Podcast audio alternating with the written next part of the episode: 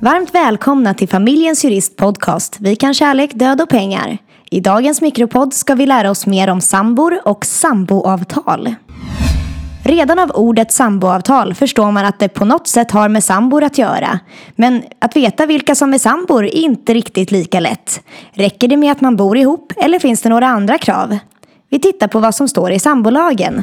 Enligt den är man sambor om man är två personer som stadigvarande bor tillsammans i ett parförhållande och har ett gemensamt hushåll. Tidigare har man talat om samlevnad under äktenskapsliknande förhållanden.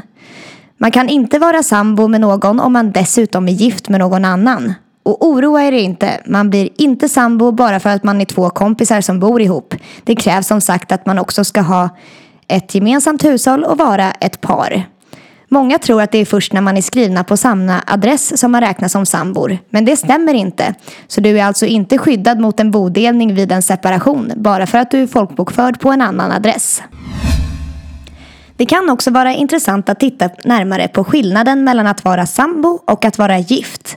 Många tror tyvärr att det är ungefär samma sak att vara gift som att vara sambo. Så är det verkligen inte. Det finns många skillnader mellan att vara gift och att vara sambo och det kan sluta riktigt illa om man inte känner till dem.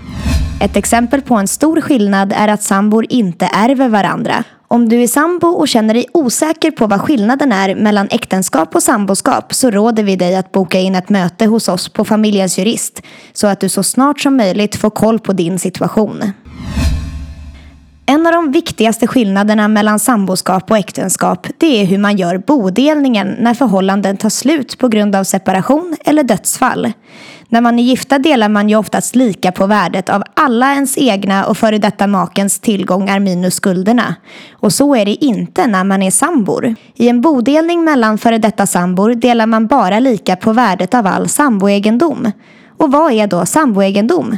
Jo, det är bostad och bohag, vilket är till exempel möbler, mattor och sånt, som har skaffats för gemensamt bruk oavsett om båda eller bara ena sambon har betalat. Det innebär alltså att konton, bilar, landställen, ja, allting som inte klassas som bostad och bohag inte kan bli samboegendom. Vad menas med gemensamt bruk?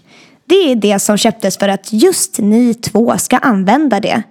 Det man fört med sig in i förhållandet som man har ägt sedan tidigare oavsett om man bara har haft det själv eller om man har köpt det tillsammans med en tidigare sambo kan inte bli samboegendom.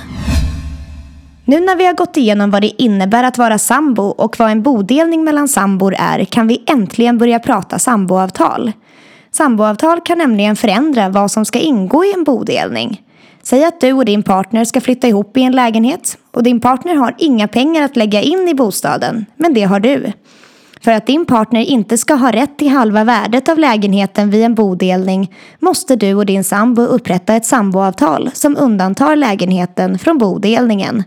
Annars spelar det ingen roll att du har betalat för hela kalaset. Din sambo kommer ändå ha rätt till halva värdet av lägenheten.